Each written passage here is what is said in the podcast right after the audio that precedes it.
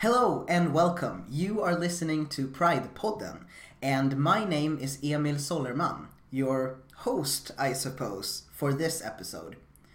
In this episode, I'm going to be talking about the online trans community, or more specifically, the online transmasculine community. For those who don't know, the term transmasculine refers to anyone who was assigned female at birth but has a more masculine gender identity. I like this term because it includes both binary trans men and non binary people. You may wonder why I'm focusing only on the trans masculine community, and well, that's simply because that's the community that I personally have the most experience with. And just so you know, I do know Swedish, but I'm gonna be speaking English here for the sake of accessibility and all that good stuff. Anyway, as I said, my name is Emil. My pronouns are he, him, his. I am 22 years old. I live in Stockholm with my partner, Christian, and we have two cats. I consider myself an amateur singer songwriter and poet. I am a transmasculine person. You could say I'm non binary, but my favorite word to describe my gender and my sexuality is queer. I'm also very active online, particularly on YouTube. I am a member of a collaborative channel called FTM Transtastic, and I also have my own channel. FTM Transtastic is a channel where different transmasculine people post videos on different days about a weekly topic that, for the most part, has to do with being transgender. Our aim is to educate and to provide support for our community. On my own channel, I do everything between talk about my life, my transition, spirituality, and I upload original songs and covers, just a bunch of different stuff. Now, there is a big community of transmasculine people online. It's a community that has come to be a huge help for a lot of people, myself included. During this relatively short time that you'll be listening to me here, I'm going to be talking about things like how the community helped me and how it helps other people, and some pros and cons of being an openly trans person online and stuff like that. There are a variety of different ways a person can contribute to the online trans community. So I thought we would go through some of those uh, just so that you understand what exactly I'm talking about. For example, you can vlog or make educational videos. YouTube has a huge transmasculine community, and many people document their entire transitions in their videos. YouTube is also a platform where many more political discussions occur, something that could be referred to as online activism. There's also blogging. Tumblr, WordPress, and Instagram are often used for that. Tumblr, Instagram, and also Twitter are also known for being places where political discussions take place, just like YouTube. Photography is another way to contribute. Instagram and Tumblr are great for that.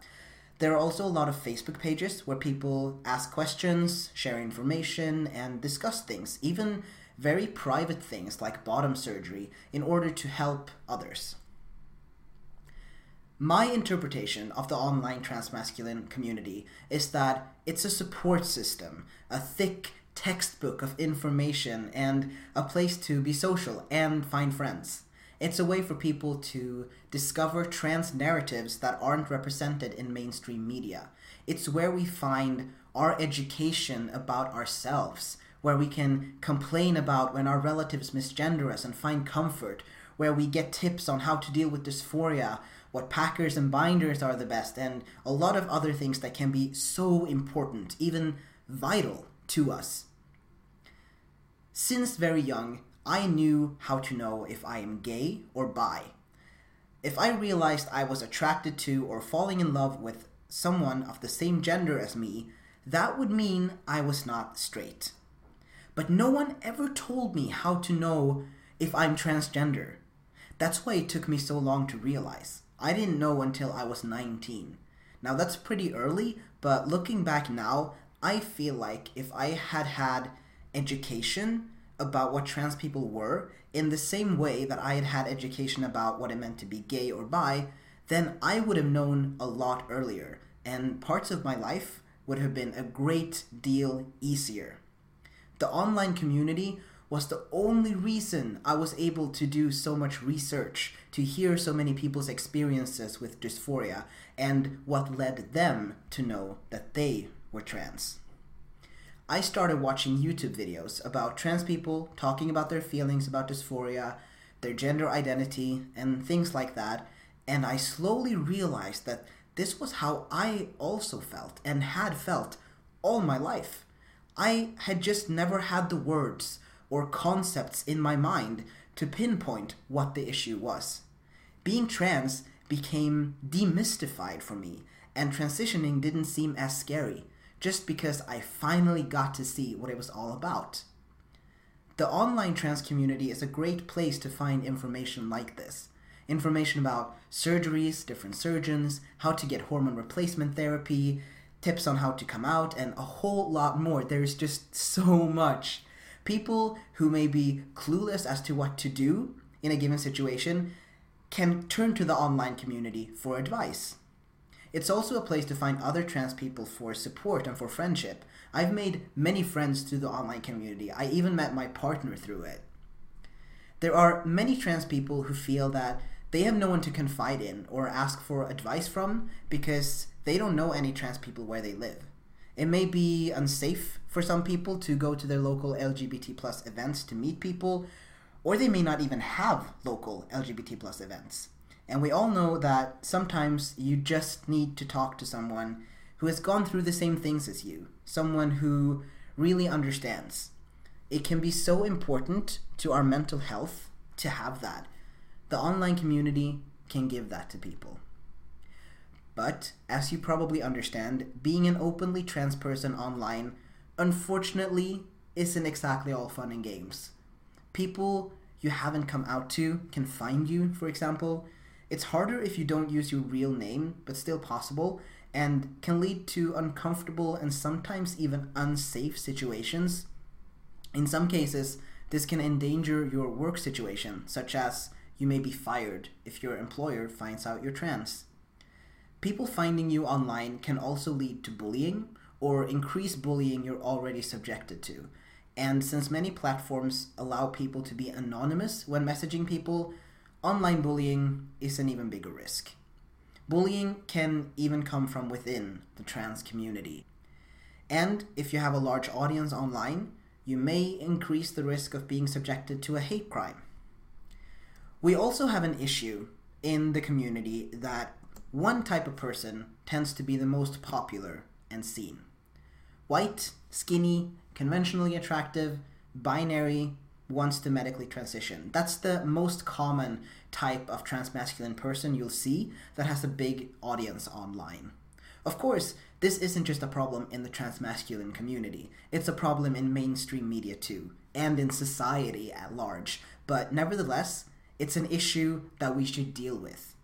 I think we need to share, spread, and interact with content by people with more varying backgrounds, appearances, experiences, and narratives to give them a better chance at becoming visible, so that the people who get popular enough to be noticed by mainstream cisgender audiences and media aren't all the same, in quotation marks. Obviously, they're not the same just because they share a bunch of characteristics, but you, you know what I mean. And of course, so that our intra-community discussions become more intersectional is another reason why this is important.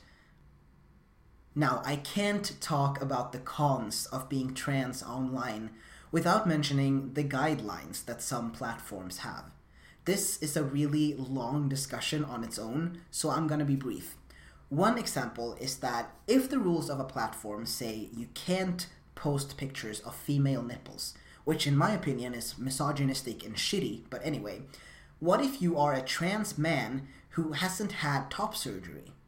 If cis men can post pictures of their nipples, but your picture gets deleted, isn't that kind of transphobic? I would argue that it is. I think it's super shitty that trans people, non binary people, and women don't get to exist in their bodies under the same conditions as cis men do. This is just one example of how trans people can be, you could say, censored on some platforms. And moving to other freer platforms, while possible, isn't that easy because it's on the mainstream platforms that you will reach out to and educate the largest amount of people. But in spite of these negatives, there are also some really great things about the online community, and they are just as worthy of mentioning.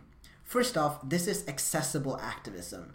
You can participate in changing the world and helping people, as well as educating yourself on your own terms. Some people can't go to demonstrations or do volunteer work and stuff like that for various reasons. You may be living in a remote area, you may encounter accessibility issues in the physical LGBT plus spaces near you, you might have mental health problems like anxiety, you might be neurodivergent or have physical conditions or health problems, or just not have time to leave home because you have kids, and so on and so on. Another good thing is that being visible can help people, both through educating cis people and through showing other trans people that there is someone out there like them. It's a comfort for many, especially young trans people, to be able to turn on a video of another trans person and feel less alone when they're cooped up in their room with tons of dysphoria, or to be able to look at someone's transition pictures on Instagram and feel hopeful about their own future. And last but not least, the online community is a wonderful place for people who do activism through art, such as photography, poetry, or music. And that has been me presenting to you a very quick overview of the online transmasculine community and what it means to us and the good and the bad things we face. If you are interested in learning more about the online trans community, I suggest just going in and checking it out. Open your favorite type of social media, check some trans related tags, and just get started. If you want to check out FTM Transtastic, which I strongly recommend, go to youtube.com slash FTM Transtastic. And if you want to check out my personal YouTube channel, go to youtube.com slash Emil Sollerman. Thank you so much for listening to me and have a wonderful day. Peace.